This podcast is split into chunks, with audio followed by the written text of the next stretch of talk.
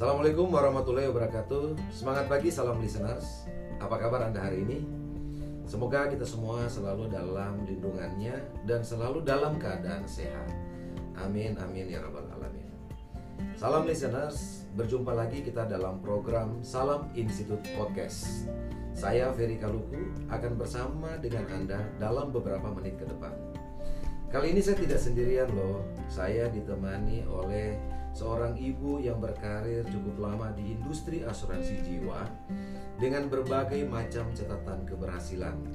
Beliau adalah Ibu Daning Wiganti. Hai Bu Daning, apa kabar Ibu? Baik, apa kabar? Assalamualaikum warahmatullahi wabarakatuh. Waalaikumsalam. Bu, terima kasih banyak karena Ibu sudah mau meluangkan waktu untuk salam listeners untuk berbagi pengalaman dan mudah-mudahan ini bisa memberikan motivasi tentunya buat salam listeners gitu ya Bu ya. Ya, Oke. Topik kita hari ini adalah uh, the beauty of insurance business for millennials gitu. oke, ya. Enak dong ini topiknya Millennials Bu, ya, Para seperti kita berdua ya. Wes mantap. Benar Bu.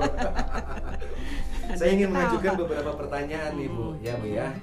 Oke, Bu, sebagai seorang profesional di bidang keuangan selama lebih dari 20 tahun, menurut Ibu Dani, mengapa bisnis asuransi sampai saat ini masih merupakan bisnis yang menjanjikan, Bu? Ya, eh, memang menurut saya bisnis ini sangat menjanjikan ya. Jadi saya sudah berada di industri asuransi sekitar 24 tahun. Dan sejak 24 tahun yang lalu sampai sekarang itu growth-nya terus meningkat ya. Bahkan kalau kita bandingkan dengan industri lain itu kadang-kadang ada yang turun lama baru naik lagi. Tapi industri asuransi itu konsisten pertumbuhannya eh, meningkat terus. Nah, Kenapa begitu? Karena apa? Karena memang di Indonesia ini khususnya penetrasi asuransi itu masih kecil sekali. Kalau untuk individu, jadi pemegang polis individu itu penetrasinya baru 5%. Ya, jadi masih kecil sekali. Dan literasinya eh, literasi itu pengetahuan masyarakat mengenai eh, manfaat asuransi itu baru 17%. Jadi bayangkan kalau proses edukasi yang dilakukan oleh perusahaan-perusahaan asuransi, oleh eh, asosiasi dan apa pun media itu berjalan dengan baik, tentunya eh, literasi ini akan meningkat ya sehingga mereka akan tahu manfaat asuransi, mereka akan membeli produk asuransi sehingga penetrasinya juga akan meningkat. Jadi masih jauh sekali eh, peluangnya masih besar sekali. Makanya masih menjanjikan ya, Bu ya. Makanya masih menjanjikan. Penetrasinya masih rendah, literasinya juga baru berapa tadi 17% ya, Bu Yes, ya. Masih sekitar rendah segitu, banget. ya. Jadi sebenarnya peluang bisnisnya juga masih sangat Mm-mm. besar ya, Bu ya. Mm. Gitu. Bu, selanjutnya eh, bagaimana Ibu melihat semakin banyak anak muda para milenial Mm-mm. yang berhasil membangun bisnisnya di industri ini juga, Bu. Di maksudnya di bisnis asuransi jiwa Iya, maksudnya. Bu. iya, iya. Kan iya. banyak juga tuh Ya, para Ya, milenial ya, yang berhasil, ya, Bu. ya, ya. Gimana Bu menurut Ibu? Em, karena berarti milenial yang memasuki bisnis ini mereka milenial yang benar-benar bisa melihat peluang ya karena saya bilang tadi peluangnya masih eh, masih besar sekali dan kenapa mereka memilih eh, industri ini karena memang eh, potensinya itu luas sekali dan segmennya juga luas sekali kita bisa melihat ada segmen bawah menengah dan atas ya dan em, industri ini memiliki produk yang berbeda-beda untuk setiap segmennya. Jadi milenial mungkin melihat bahwa ini pasarnya besar, segmennya juga luas dan produknya untuk bisa melayani setiap segmen juga luas sekali. Jadi mereka melihat oh ini peluang yang besar ya. Kemudian eh, saat ini terutama akhir-akhir ini ya mungkin lima tahun terakhir itu industri ini profesi eh, marketing atau penjual asuransi ini sudah didukung oleh digital. Nah, milenial ini kan senang sekali ya sama digital ya. Mereka sangat up to date dengan digital. Nah, cara-cara memasarkan produk asuransi ini kenapa udah mulai memakai digital dari proses eh, mungkin menawarkan pertamanya, memberikan proposalnya, memberikan solusinya, bahkan nanti kalau sudah menjadi nasabah itu ada aplikasi apps-nya untuk klien gitu ya. Dan eh, para pelaku eh, bisnis ini eh, terutama yang milenial dia sangat memakai eh, digital untuk monitor activity sehari-harinya. Jadi inilah kenapa teman-teman milenial ini banyak yang berhasil di industri ini karena mereka tahu peluangnya besar, mereka tahu uh, apa strateginya seperti apa dan mereka melibatkan digital di situ. Nah, tapi yang terakhir ini sih, mereka nih anak-anak muda ini, mereka juga tahu bahwa profesi ini di asuransi itu kalau di bidang penjualannya the sky is the limit, ya kan? Kalau kalau di sales itu kan nggak ada batasannya mau dapat income berapa tergantung dari activity sama effort yang dilakukan. Nah ini juga mereka suka sekali. Dibandingkan mungkin uh, kerja-kerja yang di belakang meja, duduk di belakang meja, itu kan secara pendapatan ya statis aja. Tapi kalau uh, di marketing, asuransi, the sky is the limit. Ya, jadi itu saya rasa kenapa milenial banyak yang sukses di industri ini. Ya, uh, setuju banget bu. Jadi memang uh, apa namanya mereka yang bisa melihat peluang itu tentunya punya kesempatan yang besar untuk mereka berhasil kira-kira gitu ya Bu ya. Nah tadi Bu sempat menyebutkan bahwa di era saat ini kan sudah didukung dengan digital gitu ya Bu ya. Nah sekarang kan produk dengan berbagai macam segmen market yang ada, kemudian berbagai macam produk yang hmm. ada gitu. Uh, apakah pemasaran produk saat ini udah udah bisa kita katakan selalu bisa dilakukan secara online gitu Bu? Um, saat ini memang beberapa perusahaan mulai melakukan penjualan uh, secara online ya, tapi saat ini masih dibatasi pada produk-produk yang sangat simple, ya, sangat murah dan uh, biasanya menyasar memang anak-anak muda gitu ya, anak-anak muda sekali dan uh, mungkin masyarakat menengah ke bawah. Nah, um, untuk produk-produk yang lebih kompleks ya, yang sangat komprehensif dan uh, terutama ada elemen investasinya di situ masih sulit hmm. melalui digital hmm. ya jadi uh, produk seperti itu memang harus face to face dibutuhkan yeah. uh, kayak financial advisor gitu ya, ya untuk menjelaskan produk-produk uh, ini makanya peranan agent di situ akan masih sangat dibutuhkan hmm. terutama untuk produk-produk yang kompleks dan komprehensif uh, sesuai kebutuhan nasabah ya. Tapi apakah misalnya agensi itu tidak apa tidak bisa mendapatkan manfaat dengan penjualan online bisa ya cuma bedanya kalau yang produk yang sangat simpel dan murah sekali itu bisa langsung beli ya. tapi kalau produk yang lebih kompleks biasanya bentuknya kayak lead generation hmm. jadi eh, perusahaan-perusahaan itu biasanya sedikit apa punya deskripsi produk ya yeah. entah di websitenya entah di sosial media nanti uh, calon klien atau prospek bisa bisa masuk bisa menuliskan namanya karena dia membutuhkan produk yang memang lebih lebih kompleks biasanya dalam bentuk uh, unit link atau ada elemen investasinya. Nah, nanti data-data itu kita biasanya serahkan ke agensi, ke agen karena itu biasanya hot hot leads itu, ya, itu ya, hot leads. Ya. Itu mungkin uh, bagian dari uh, strategi marketing aja ya bu ya. Ya. Oke, Bu masih membahas uh, era digital nih Bu, mm. gitu. Kami dari Salam Institute menginisiasi Salam Institute Podcast sebagai sarana belajar online. Bagaimana pendapat Ibu mengenai hal ini? Saya rasa ini inisiatif yang bagus sekali ya, karena menurut saya belajar itu hmm, bisa setiap saat ya.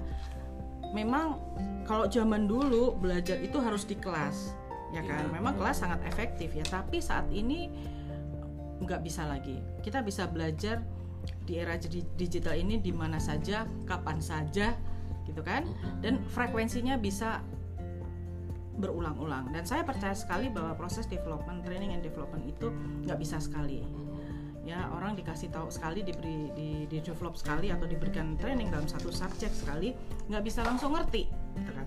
Nah podcast ini kan kelebihannya bisa dengerin lagi, bisa visit lagi, dengerin berulang-ulang ya, gitu ya, betul. bisa kapan saja. Mm-hmm. Ya kan? Jadi mm, sambil masak pun bisa gitu ya, ya kalau seorang ibu-ibu uh, sambil masak sambil dengerin karena podcast ini sangat uh, apa ya? Makanya sangat powerful untuk proses development di di, di bidang uh, mungkin salah satunya di bidang organisasi penjualan. Oke, luar biasa uh, Bu Daning. Bu, kita coba kembali lagi ke para milenials kita. Ya, ya peluang bisnis ini kan tetap ada gitu bu uh, untuk para anak muda, para yeah. milenials kita. Yeah. Nah di bisnis ini di industri asuransi jiwa, mm-hmm. kira-kira peluang yang bisa mereka dapatkan yang harus mereka lihat apa sih bu? Gitu. Yeah. Uh, tadi saya sampaikan bahwa secara opportunity industri market besar sekali ya. Dan saya selalu bilang kepada uh, rekan-rekan yang sudah join di industri ini ataupun yang akan join uh, seperti saya sampaikan bahwa ini peluang bisnis yang tidak terbatas. Semakin besar uh, diletakkan activity atau effortnya akan semakin tinggi hasilnya ya. Jadi income-nya pun bisa katakan dikatakan unlimited ya, ya. jadi Eh, nggak uh, ada batasannya bahkan saya kadang-kadang bilang sama teman-teman um, sales atau agent yang masih muda-muda kalau anda jadi pegawai di belakang meja itu kenaikan gaji setahun sekali kan ya? ya setahun sekali ya tapi kalau ini kalau dia memang punya activity tinggi ya uh, setiap bulan ada penjualan gitu ya sudah pasti setiap bulannya income-nya akan makin besar, makin menggulung. Ya. Jadi saya bilang ke mereka, joinlah industri ini karena setiap bulan naik gaji. Ya. Asalkan penjualannya berkualitas, ya kliennya terus bayar terus bayar. Itu kan peng, apa istilahnya gulungan ya, gulungan dari income atau komisinya itu kan makin besar. Jadi setiap sebulan naik gaji gitu. Biasanya saya bilang seperti itu. Nah, satu itu dari sisi pendapatan. Yang kedua, karir. Karir juga lebih cepat. Ya, asal asal memang uh, fokus gitu ya. Asal fokus terhadap apa um, profesinya di sini. Jadi tidak ada batasan waktu untuk seorang misalnya agent menjadi leader. Ya kan sudah ada parameternya tuh. Sudah ada parameternya. Kalau dia bisa capai ya dia bisa menjadi leader gitu ya.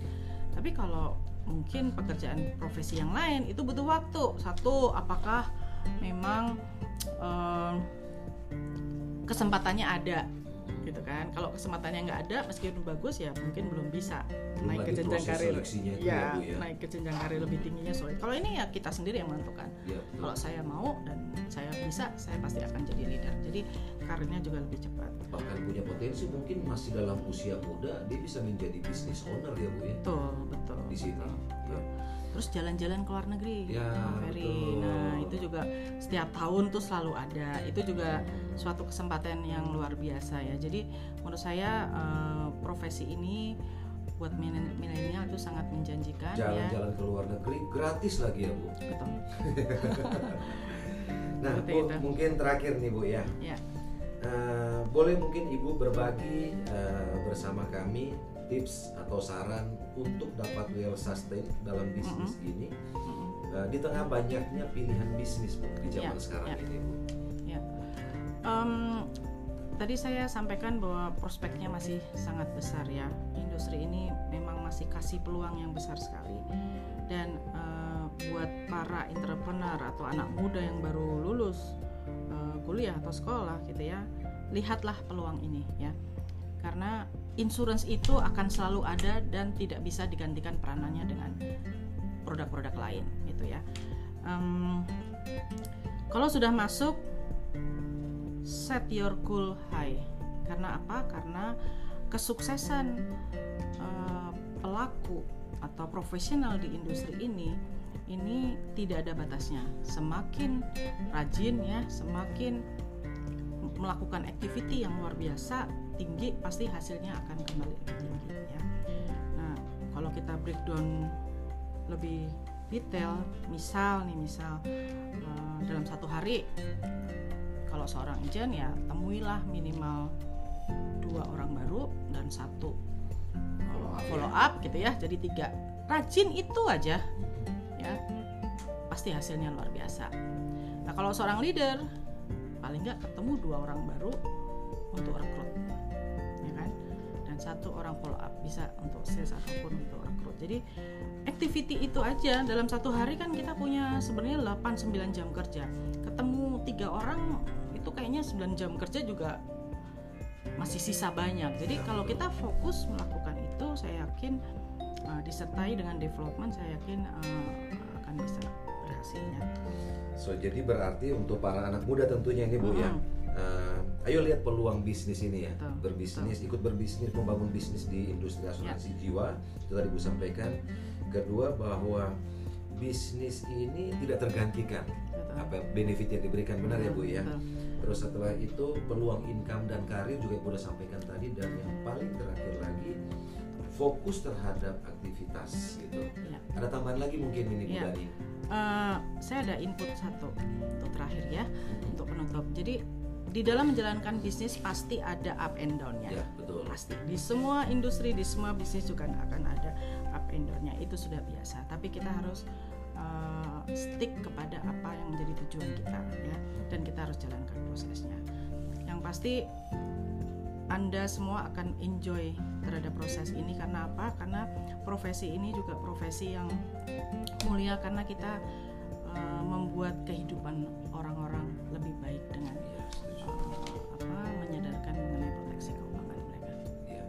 Wah, luar biasa sharing dari Ibu Daning pada hari ini. Semoga anak-anak muda para milenial di luar sana semakin terbuka mindsetnya untuk melihat peluang bisnis ini, gitu ya Bu Daning ya. Ya. Bu Daning terima kasih banyak atas waktunya untuk berbagi dengan salam listeners. Semoga ini akan memberikan inspirasi kepada para milenial di luar sana dan tidak ragu atau tidak ada lagi mengatakan tidak percaya diri untuk menjadi agen asuransi jiwa. Gitu ya Bu ya. Ya. Oke, salam listeners. Demikian bincang-bincang singkat kita bersama Ibu Daning. Tetaplah semangat untuk berkarya, tetaplah bersemangat untuk selalu mau belajar karena belajar nggak ada batasnya. Wassalamualaikum warahmatullahi wabarakatuh.